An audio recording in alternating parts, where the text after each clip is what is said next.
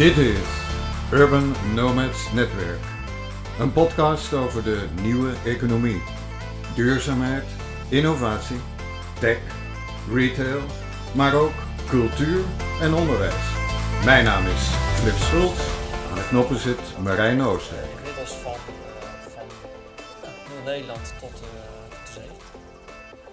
En dat zijn dan particuliere, zakelijke rijders? Met name wel de zakelijke rijder. Eh, met name ook de veel de eenmanszaak. Die veel als eenmanszaak is begonnen. Eh, particulier ook wel. Maar ik richt me op de zakelijke rijder. Daar is ook gewoon vaak meer vragen over. Joh, een auto ga ik hem kopen? Ga ik hem leasen? Wat, welke constructie is handig voor mij? Wat wil ik uitstralen als bedrijf zijnde? Wat is handig? En dat kan je ze dan uh, haarfijn uitleggen? Ja, heb ik uiteraard een hoop, hoop vragen voor, ook aan hun. Want uh, de vraag, welke auto past bij me, dat is even iets te kort door de bocht. Maar dan ga ik het filteren, heb ik een heel uh, ja, voor mezelf uh, bedacht. En dan daar kom je ergens. Kijk, heeft te maken met dingen als, ja, wat mag auto kosten? Zowel privé als zakelijk. hoeveel rij je ermee? hoeveel ruimte heb je nodig? Wat is praktisch? Ja, als je veel spullen moet meeslepen, ja, dan heb je een ruime wagen nodig. Als, vooral als je in de marketing zit, dan mag het best iets sportiever zijn bijvoorbeeld. Welke branche bedien je ook? Dus wat verwachten jouw klanten van je? Dat zijn een heleboel vragen voor het vaststellen van de auto aan zich. Heb jij contact met leasemaatschappijen en dergelijke? Ja, natuurlijk. Zeker. Zeker. Veel. Dat moet ook. Ja. En dan ben je tegenwoordig kind aan huis of gaat dat een beetje ver? Nou, kind aan huis, dat gaat, dat gaat te ver. Maar kijk, um, natuurlijk leasemaatschappijen zullen ook gewoon natuurlijk hun contracten verkopen. Dus ja, als ik er bij hun een lead aanlever ja, dan staan ze te springen, tuurlijk. Uh, dus ik ook wel regelmatig wil benaderen door andere leasemaatschappijen. Van joh, als je hier wat hebt, uh, benader mij maar. Uh, dat doe ik niet meteen, want één, als ik bij twintig partijen iets voorleg, ja, dat kost me natuurlijk vreselijk veel tijd. En ik vind wel de manier van behandelen vind ik heel belangrijk. De voorwaarden moeten goed zijn. Um, maar ook, ja, je wil gewoon dat mensen vooral snel reageren. En daar zie ik een duidelijk verschil. De een of andere partij, um, hoe snel en ook hoe accuraat ze reageren op mijn vragen. Dat vind ik een hele belangrijke factor. Want er zegt ook iets in het verloop. Hè? Als iemand zijn auto gaat leasen bij partij A, en er ontstaan tussentijds vragen gedurende de looptijd, dan willen ze ook snel geholpen worden. Niet nog een week hoeven te wachten op de antwoord. Dus heb ik de loop der jaren heb ik wel veel uh, partijen gesproken. Um, ja, ook pogingen gedaan tot een goede samenwerking. Nou, soms ging het goed en soms niet. Was het makkelijk om in die autowereld binnen te komen? Want je, bent, ja. je komt er niet echt uit vandaan, toch? Nee, nee, nee, helemaal niet. Nee, ik ben voor origine ben ik een hulpverlener, daarvoor heb ik gestudeerd. En ik wist wel van, ik wilde iets met auto's, want dat is al van jongs af aan, echt van jongetje van, uh, toen ik in de luier zat. Dat vond ik mooi, dat vond ik gaaf. Zoals de meeste jongens? Zoals de meeste jongens, ja. Bij mij ging het misschien nog iets verder. Dat ik echt uh, natuurlijk autoweken altijd open sloeg. Dat ik uh, bij dealers langs uh, liep om naar binnen te kijken en te gluren. Dat, dat vond, ik, vond ik leuk. Geen idee waarom, maar dat sprak me onwijs aan. ja, op een gegeven moment zelf uh, rijbewijsleeftijd. En zeg ik. Niet voor die tijd al in een auto gereden, of wel? Nou, luister moeder mee.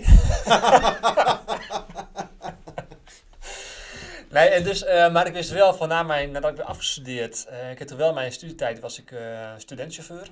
Dus ik reed directie door het hele land in de mooiste wagens. Ja, dat vond ik natuurlijk fantastisch om te doen. hiker, een tijdje geweest. En toen na mijn studie, ik wilde in de auto's gaan werken. Heb ik in de bandenbrand gewerkt, drie jaar lang.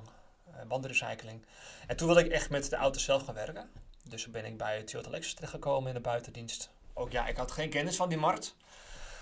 Dat bedrijf, welk bedrijf? Bij Lauman, Toyota en Lexus. Ah, vertegenwoordig ik. Okay. Ja, was ik de buitendienstman.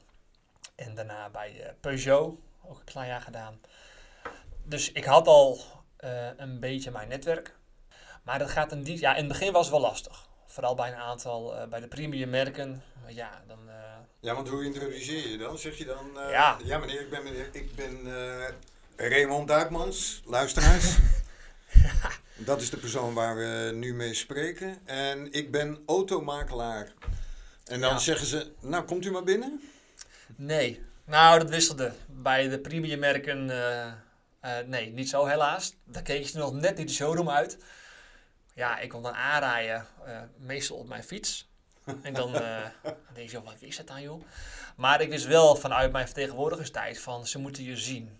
Dus ik ben gewoon bij een aantal dealers gewoon naar binnen gelopen. Netjes gewoon, in pak? Um, had ik toen nog een pak? Volgens mij wel, ja. Ik had geen das meer. eh, maar wel Oeps. een pantalon. Ja, wat ook, dat, dat, ik heb jarenlang met, met een das omgelopen en dat is eh, soms prima, maar nee, dat past niet echt bij mij. Maar het was lastig, ja. Ze zeiden ook van, ja, oké, hier is mijn kaartje. Als je het nodig hebt, mail me maar. En dat was het dan ook. Wat was de doorbraak? Poeh, was een doorbraak. Want Maar ja, het, het, het heeft, het heeft ehm, ik denk, drie maanden geduurd voordat ik mijn eerste echt officiële opdracht binnenkreeg. Na een heleboel te hebben genetwerkt. Dat was voor mij wat een doorbraak. In ieder geval dat ik toen ook toevallig twee in één keer als opdracht kreeg. Ging meteen om een eh, BMW en een Mercedes. Dus ik was helemaal natuurlijk in gloria. En ik dacht van yes, dit is wat ik wilde. En als je concreet bent naar een dealer toe, eh, dan denken zij van kijk, nou begint het op te lijken. En dan geven ze gewoon de auto mee. Ehm, en het ging ook toevallig goed. Eh, in korte tijd heb ik toen die auto's ook voor mensen kunnen regelen. Ehm, en sindsdien dat een aantal dealers zeggen van... Oké, nou ja, dan neem je wat serieuzer. Want het beroep automakelaar. Ja. Ja, dat... dat eh, ja, volgens mij... er zijn een aantal mensen in Nederland die zich zo noemen. Eh, maar het verschil is wel, die hebben vaak, of voor zover ik weet, altijd ook een eigen handel. Dus die hebben gewoon een showroom met auto's daarin staan. En dan vraag ik me af of je echt onafhankelijk kan adviseren. Nou ja, goed, jullie kennen mij, eh showroom dus aanhalingstekens. Daar eh, staat niet één auto. Dus ik heb nul handel. En dus op die manier onafhankelijk kunnen adviseren. Volgens mij is er niemand die dat op die manier doet in Nederland. Ook daarbuiten ook gekeken van, nou ja, misschien is zo waar ik heel veel begint. Ehm, daar is ook wel met dan meer de, eh, voor de klassieke wagens. En daar doe ik helemaal niks mee. Daar heb ik ook wel geen kijk op. Eh, maar liefde ligt ook meer bij het nieuwere, nieuwere segment. We hebben dus een eh, uniek iemand hier te gast in deze podcast. Je doet het nu, hoe lang? Ehm, over volgende maand vijf jaar. Alweer. Het is voorbij gevlogen. Dat is hard gegaan, Raymond. Ja, en ik heb het toen voorgenomen. Eigenlijk iemand anders tegen mij gezegd, joh, van ga het gewoon doen. Nou ja, oké, weet je. Ik had er kort ervoor had ik eh, ontslag genomen. Ja, zo'n periode, oké, en nu? Zo eh, in between jobs. En op een gegeven moment, ja, oké, ja, ik moet, ik moet wat. Maar ik was eh, eigenwijs en koppig genoeg om echt wel... ehm, ik had wel een hele eigen wil, een duidelijk idee van hoe het koop van een auto in zijn werking moet gaan. En hoe dat ging, wat ik had gezien, dat paste niet bij mij. Vond ik niet de juiste manier. Ik denk, ja, ik ga het maar gewoon doen. Ik denk, ja, als je een huis koopt, wat heb je dan vaak nodig? Wat gebruik je dan? Iemand die jou daarin eh, Adviseert. adviseert, die met je meedenkt, sparringspartner. Ja, ik denk, nou, een huis is vaak een auto ook een grote investering. Misschien is er wel vraag naar, mensen die daar hulp bij kunnen gebruiken. Dus toen ben ik begonnen met mensen gewoon te vragen of ik hun mag helpen. Ehm, met als, eh, als vergoeding hun feedback. Ik had erbij de vraag van, ehm, zijn ze echt mee geholpen? Vind ik het leuk? En kan ik het? Nou ja, als alles positief was, toen dacht ik van, nou, dan gaan we ervoor. Drie keer gedaan, drie keer positief. eh, en die nou op naar de KVK. Hoe gaat het in zijn werk? Ik bedoel, er komt iemand bij je of ga je cold calling? Cold calling heb ik gelukkig nog niet hoeven doen. Eh, het is heel veel eh, netwerken. Want ik denk dat je... ja, je moet een bepaald vertrouwen met iemand hebben. Want het gaat om een grote aanschaf. Het, het, is, het is geen pakje boter of zo. Dus joh, een miskoopje bij een pakje boter. Nou oké, het zal wel. Maar in dit geval, het, het moet gewoon goed voelen. dus daarom heel veel genetwerkt. Heel veel wezen pitchen. In Alkmaar, Amsterdam, Rotterdam. eh Purmerend, nou, eh, vooral Noord-Holland waar ik vooral eh, bezig ben. En... ehm, ja, dan vragen mensen, joh, van god, zodat ik over gaan praten. Kan ik je daar misschien bij helpen? Hoe het dan eigenlijk gaat, het, het, je moet eigenlijk, denk ik, ehm, kort door de bocht van, zijn vaak of hele specifieke vragen. Van mensen die ehm, echt een droomauto zoeken. En het is aan de velgen nauwkeurig, of de bandenmaat, wat dan ook, van wat zij exact zoeken. Of het zijn ook mensen die zeggen, joh, ik heb een auto nodig en ik weet niet wat. Dus dat is een hele vrij brede Ja. brandbreedte. En is het niet meestal zo dat de meeste mensen zeg, eh, dat eigenlijk het liefst zelf willen doen? Of Ja, dat kan ook. En die mensen zullen mij niet zo snel bellen. Eh, maar ook mensen die er wel echt er veel verstand van hebben, maar bijvoorbeeld geen tijd. Ja, dat, kan ook. Het zijn allerhande mensen die mij daarvoor wil benaderen. En die zeggen, ja, ontzorg maar daarbij. Het is echt ontzorgen. Want ja, ze kunnen het zelf doen, ze kunnen het heel goed zelf doen. Alleen je moet er zin in hebben en je moet er tijd van maken. Want het is best wel een gedoe. ja, het is, eh, het is niet zomaar eventjes iets. Nee. Zeker niet als je een auto gaat kopen die aardig in de papieren loopt. Nou, dat hoeft niet eens per se. Bijvoorbeeld, ehm, ik heb vorig jaar iemand geholpen voor een Toyota eh Igo. Ja, dan heb je een hele andere aanschafwaarde als ik eh, afgelopen weekend er iemand benaderd die wilde een Ferrari Ca- California. Dus dat is een enorme bandbreedte. En allemaal hebben ze echt hun eigen vraag. En dat is juist wat ik ontzettend leuk vind hieraan. Dat je, en natuurlijk heel veel dingen weet ik ook niet, maar als ik het niet weet, zoek ik het wel op. Maar ook heel veel dingen weet ik inmiddels wel. Puur door het lezen, kijken van reviews, filmpjes. Ja, dat is altijd een hobby geweest. Dus die bandbreedte is groot. En zelfs de mensen in de, ja, de, de iets goedkopere wagens, daar heb je allemaal gesprek mee. Ehm, dat is ook de, de, de opdracht is anders. Maar dat geeft ook ontzettend veel voldoening als het ook gewoon, als het weer lukt. Wat is nou een beetje de gemiddelde tijd dat je de vraag binnenkomt: ik wil een auto, die en die auto. Ja. En, en dat jij kan zeggen van nou, hier heb je hem. Nieuw of gebruikt, maakt ook nog verschil uit. Neem Dat maakt heel veel verschil uit. Ja, als je nieuw, dan moet je misschien bestellen. En dat kan een half jaar duren. Soms, soms zelfs langer. Het heeft natuurlijk te maken met productieproblemen. Door de afgelopen jaar, fabrieken die zijn gesloten geweest. Komen we zo direct op terug. Oké. Maar meestal, ik denk, een, ehm, als alles voorspoedig verloopt, een week of zes tot acht. Ja.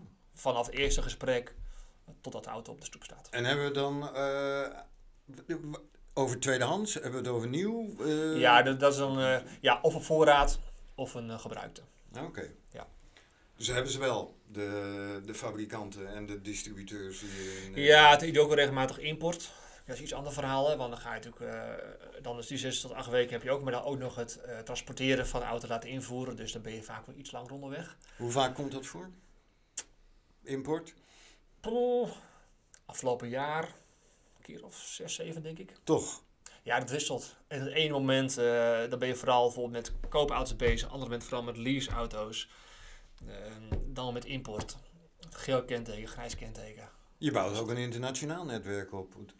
Of ja, niet? ja, in Duitsland. Ehm, Nee. Ik heb wel met Duitsland ook wel zaken gedaan. Eh, andere landen nog niet.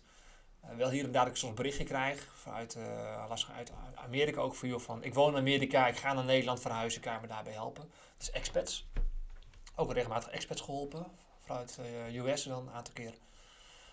Ja, die komen er ook maar. En dan, ja, ik heb wat nodig. Hoe werkt het eigenlijk? Oh, ik was met Engeland nu met een eh, bedrijf bezig, een groot bedrijf. Die hebben zes auto's in één keer nodig, zes hybrides. En dan zeggen ja, van dit is onze, de range wat we nodig hebben. Dit is het budget. Hoe werkt dat? Kan je me daarbij helpen? Nou ja, hartstikke leuk. Natuurlijk help ik daar graag bij. Oh. Ja, ja dus als je erover nadenkt, het wordt wel iets, eh, iets meer buiten de landsgrenzen. Je hebt er al een paar keer het woord hybride laten vallen. Hoe is die verschuiving, zeg maar, de traditionele verbrandingsmotoren naar de nieuwere motoren, hybride, elektrisch, is, is die duidelijk gaande? Ja, al een tijdje, natuurlijk al enkele jaren. Ja. De hybride is al, eh, god, hoe lang gaat het dan mee? Dit jaar of eh, 10, 12 misschien al wel. Ja, makkelijk. En natuurlijk de EV's, de electric vehicle, elektrisch rijden. Dat is natuurlijk, natuurlijk Tesla is daar vooral eh, grotendeels mee begonnen, groot mee geworden. En, maar er zie je een duidelijke verschuiving. Eh, natuurlijk naar zakelijk is al eh, enkele jaren gaande. Nu particulier ook wel mondjesmaat. Ehm vorig jaar wel vrij fors, vanwege de subsidies die toen nog die toen golden. Nog steeds maar potjes. Zover ik weet is die aardig leeg geworden. Ehm, ja, natuurlijk een bijtelling dat is vaak het verhaal. Ook wel steeds meer mensen zeggen, ja, van ik wil gewoon duurzaam rijden. Ehm, ook de vraag is, EV, is dat dan het meest voor de hand liggend? Want ja, het moet nieuw worden gemaakt, de accu's moeten worden geproduceerd en worden gemaakt. Dus eh vooralsnog heb ik de meeste mensen, eh, bedrijven, die zeggen, ja, van we moeten het uitstralen. Dus niet van we willen het, ja, we moeten het, wordt van ons verwacht. Want als je bedrijf bent en je werkt veel met overheidsinstellingen, ja, dan moet je zo'n zo footprint moet je kunnen laten zien van jouw bedrijf. Kijk, wij hebben een groen wagenpark. Wij hebben elektrische auto's. Eh, dus of echt intrinsiek gemotiveerd is, dat betwijfel ik wel eens. Maar vooral voor de bereiders is het fijn. Want ja, de bijtelling ja, wordt ook natuurlijk steeds minder interessant. Maar daar is zeker iets aan gaande, ja. Als we eventjes een blik in de toekomst werpen, 2030, dan wil Nederland volgens het klimaatakkoord helemaal elektrisch rijden. Gaan we dat halen? Ik denk op de verkoop van nieuwe voor personenwagens wel. In geval, het, is haalbaar. Het hangt af of de mensen het willen. Denk ik. De, de fabrikanten zelf, ehm, die zetten daar volop in. En die zeggen ook van vanaf 2025, uh, dan worden in ieder geval geen nieuwe modellen meer gemaakt. Dus misschien wel verkocht, maar niet meer gemaakt. Maar natuurlijk voordat heel Nederland elektrisch rijdt, dan moeten natuurlijk al die uh, brandstofauto's van nu, zowel nieuw als gebruikt, moet allemaal uh, weg. Ook ergens, ergens worden neergezet natuurlijk. Dus 2030, hè, daar praat je over. Die gaan allemaal naar Nog geen negen jaar. Afrika, het Oostblok, wat dan ook. Nee. Um, dus nee, dat gaat niet gebeuren. Maar in de verkoop kom je heel eind. Zelfs de merken waarvan je misschien niet verwacht. Hè. Ik weet van, voor mij gaat zelfs Ferrari. Die gaat die kant op. Ik was laatst bij Bentley.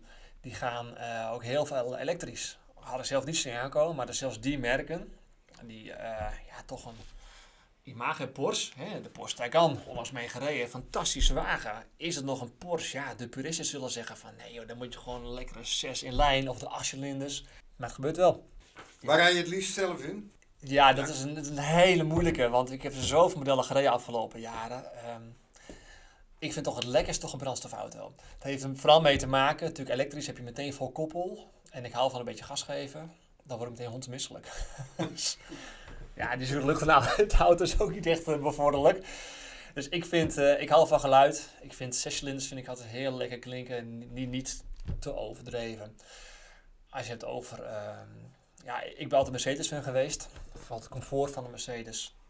Maar de ergonomie van BMW vind ik heel prachtig. De interface van Audi spreekt me enorm aan. En het hoge gevoel van de Range Rover is wat ik lekker vind. Als je een auto mag houden met een benzinemotor of dieselmotor, wat is het? Benzinemotor? Ja, benzine dan. Benzinemotor. Ja. Die mag je houden. En dan mag ja. je op uh, classic dagen, mag je daar vanaf 2030 mag je daar nog in rijden. Mm -hmm. Wat wordt het dan? Waar staat die de M? Ik heb ooit mogen rijden met de Mercedes AMG GTC. Aha. Ja, dan wordt lastig om een zoontje mee te nemen. Ja, of de vrouw, die gaat er niet mee. en anders een, uh, de Porsche Panamera. Dat vind ik zo ongelooflijk. Ja, dat vind ik een bloedmooie wagen. Echt waar? Ja, niet verwacht. Nee, had ik niet verwacht. Oh, nee. had jij dat verwacht? Nou, iets in de trant van uh, een of andere buitensporige sportwagen, een, een Lamborghini. Of een, een, Ja, maar dat is mij niet comfortabel genoeg voor. Uh, ah. dat, dat, dat, dat, voel je elk hobbeltje. En ja, ik, vind, ik heb één keer met de Lambo gereden. Ja, kijk, het is een beleving. Hè? Het is fantastisch. Maar je hoort elk, elk dingetje voel je. Uh, dat 1 plus, ik pas er vaak niet in. Ik ben, ik ben 1,95 meter. Dat hadden we nog niet verteld. Ik heb regelmatig dat ik de, de, de, de coupés of de cabrio's, dat dak ook echt eraf moet. Want anders uh, past mijn hoofd er niet in. dat lijkt wat uh, onhandig. Oké, okay, een dingetje waar ze rekening mee moeten houden. De lengte van de gemiddelde Nederlander, uh, ja. die neemt toe volgens mij. Uh. Ja, ik krijg daar ook veel vragen over van klanten. Van joh, van, ik ben 1,95. Ja. Wat past hierbij? Aha. En er valt er gewoon heel veel vanaf. Ja. En dat moet je ook maar net weten. Het heeft vaak te maken, vooral met, met de stoel. Gaan ze dan er wel in een Japannetje? Um, ja, dat gebeurt nog wel natuurlijk. Dat gebeurt nog wel. Kijk, ook Japanners hebben ook een Europees uh, gigantische markt. Dus ja, daar passen de auto's wel op aan natuurlijk. Uh, maar het is wel, het is wel zo'n ding. En daar zeg ik ook vaak tegen, het komt best vaak voor dat mensen zeggen, ja, van ik wil die auto. Nou, oké, hartstikke leuk. Uh, maar heb je ermee gereden? Ja, nee, maar het zit er goed. En toch van, ik sta er echt voor, gaat er nou mee rijden? Want hoe zonde zou het zijn als je er uren in gaat, uh, in gaat verdiepen en bellen, onderhandelen, hey rambam, en je gaat tot nog een keertje mee rijden. Je stapt erin en je denkt van, dit zit voor geen meter. Ja, gewoon zonde. Dus Doodzonde. proefrijden en dan weet je waar je het over hebt. Welke auto heeft je in positieve zin verrast? Dat was uh, vrij recent. Dat reed ik met de Kia. Ik reed toen uh, met een, de, de Kia Stinger. Ook sowieso een vrij onbekende wagen. Um, en waarom? Nou, dat heeft te maken, het is een, uh, natuurlijk het Nederlandse BPM-stelsel, hè, dus de aanschafbelasting op de auto, uh, ja, toch puur belasting. Die is op die auto vrij pittig, ongeveer de helft van de aanschafwaarde. Maar ik heb er toen een dag mee mogen rijden en het is ongelooflijk. Ik dacht, oké, van dit is dus een Kia. Ik werd ook wel een beetje, een beetje gekieteld hier en daar. Een geweldige uitvoering. Hij kost ook iets meer dan een ton. Ja, en had een vermogen van 430 pk. 430 Ja, je zet, je zet hem aan, joh, en gewoon alles klopte aan dat ding. dus ik had niet verwacht dat ik ooit met een glimlach uit de Kia zou stappen, maar dat vond ik echt fenomenaal. Ja, heeft me onwijs verrast. En de beste auto, uh, Raymond? Waarom? Dat denk ik eigenlijk aan, uh, ik denk aan twee stuks, toevallig ook eens elkaars concurrenten. Dat waren de Audi A7 en de Mercedes CLS. Had een hele mooie coupé-lijn en het is onwijs luxe, comfort. Ehm, ja, het is echt vol, ja, dat, dat, dat voelt gewoon goed. Dat is heerlijk om mee te mogen cruisen. Dat is echt cruisen. Gaan ze dat halen straks, Mercedes? Diezelfde klasse als ze met eh, de nieuwe EV's op de markt komen? EQS, EQB? Ja, die, die komen al. Die Ja. komen al natuurlijk. Ik heb laatst met de EQA gereden. En heeft ook zeer verrast. Eh geweldig het karakter van Mercedes, het comfort. Natuurlijk, Mercedes is comfort. Ehm, eh, maar ook aan de binnenkant, kijk, vaak heeft bij EV's dat ze ook aan de binnenkant ze compleet anders zijn dan de rest van, van, hun, eh, van hun winkel. In dit geval, je hebt gewoon dezelfde, aan de binnenkant, je typische Mercedes, alleen andere aandrijflijn. Natuurlijk komt de EQB komt eraan, hè, van basis van de B-klasse, de EQS. Misschien ook al voorbij zien komen. Zeer futuristisch, ze hebben ook een hoge belofte die ze hebben eh, waar te maken. Als je dat zo leest, zie, dan, dan moet dat gewoon eh, de directiewagen van eh, misschien van de wereld wel gaan worden. Ah. Ehm, natuurlijk, het is tegenhanger van de Porsche Taycan bijvoorbeeld. Maar ja, goed, het is een Porsche, dus daar zit je achterin iets minder comfortabel. En dat is bij zijn EQS. ehm dan verwacht ik dat je daar als, direct, als directie heel goed achterin Op kan het gevaar af dat de mensen denken dat we gesponsord worden. Ik bedoel, wie gaat die race winnen? Zijn er merken die achterblijven op het gebied van de ontwikkeling van elektrische auto's? Zijn er merken die een voorsprong hebben? Als hoe je het bekijkt, qua, aandrijving, qua, qua eh, zeg maar, het gedeelte wat we niet zien. eh, natuurlijk Tesla, mijn beleving staat gewoon voorop. Eh, maar je ziet ook aan die merken dat zij bijvoorbeeld veel minder ervaring met het bouwen van een auto. Als je springt in een, een van de gerenommeerde merken, niet per se een premium, maar ook stap in een Hyundai Kona bijvoorbeeld, of een eh, Kia e-Niro. Eh, ja, dan merk je gewoon dat het afwerken, het is allemaal iets verfijnder. Eh, het is ook persoonlijk, maar zo zie ik het. Merken die achterblijven, er zijn een aantal merken die wat later zijn. Ehm bijvoorbeeld BMW die is iets later. Ehm, Wordt hard aan gewerkt, Jaguar. begrijp ik. Wordt heel hard aangewerkt. Ja, precies, maar je hebt wel van, er zijn een aantal merken die gewoon verder zijn. Die van, van wat, Ja, wat ze aanbieden. Ja. Ja. Ehm, dus een voorloper, ik vind het nog een lastige. Er is een verschil tussen iets aanbieden of iets goed voor elkaar hebben. Toyota, Bijvoorbeeld, al, maar die hebben allemaal hybride natuurlijk. hybride. hè? Ja, dat hebben ze natuurlijk al sinds jij zei, de, de introductie eh, volgens mij van de hybride hebben zij gedaan met eh, de, de, de Prius. Wat ook een eh, opvallend vertoon was. Wat ze heel goed doen bij Toyota is de waterstof nu, de Mirai. Is sinds kort vernieuwd. Als je zo'n ding hebt, je kan nu uit twee personenwagens kiezen. Waar ga je laden? Er zijn er wel initiatieven uit leasemaatschappijen dat zij eh, bij jou ter plekke gaan ze voor je tanken. Of je kan zijn installatie erbij gaan leasen.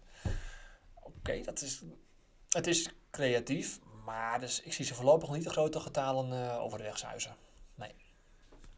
Om langzamerhand af te sluiten, misschien denken mensen van ja, nou ja goed, eh, dan ga ik die man bellen en dan vraagt hij een kapitaalbedrag. Maar dat valt eigenlijk wel mee. Ja, of het een kapitaalbedrag is, want dat kan ik niet beoordelen. Maar het is, eh, mijn tarief varieert tussen de 500 en 2000 euro extra BTW. En dat is afhankelijk van de vraag, wat iemand zoekt en wat voor iemand gaat doen. Eh, nou denkt men vaak dat het percentage is van de verkoopwaarde van de auto. Maar dan zou ik weer eh, gebaat zijn bij een duurdere auto, dus ben je niet meer onafhankelijk. Dus daar zie je uit mijn kracht in. Als de verkoopklus betreft, komt ook wel eens voor. Dan praat je over percentage, want dan ben ik ook gebaat bij een hogere verkoopwaarde. Als mensen contact met jou willen opnemen omdat jij eh, gewoon voor hun de beste auto eh, kunt eh, versieren, Ja. dan vinden ze jou waar? Ik ben natuurlijk, ik heb natuurlijk een, een website, nog wel een, heeft nog wel een nieuw, een nieuw laklaagje nodig om het zo maar te zeggen. ik ben op LinkedIn ben ik heel actief, dus op LinkedIn daar kan je me altijd heel goed benaderen. En doe ik heel veel natuurlijk bellen, appen. Dan gaan we nog even zijn naam noemen. Raymond. Zijn Engels eh, dan wel Frans. R-A-Y-M-O-N-D. En dan Duipmans. Met de P van Peter. Duipmans. Dat is hem. Hartelijk dank voor je aanwezigheid in eh, Urban Nomads Netwerk. Heel veel dank heren.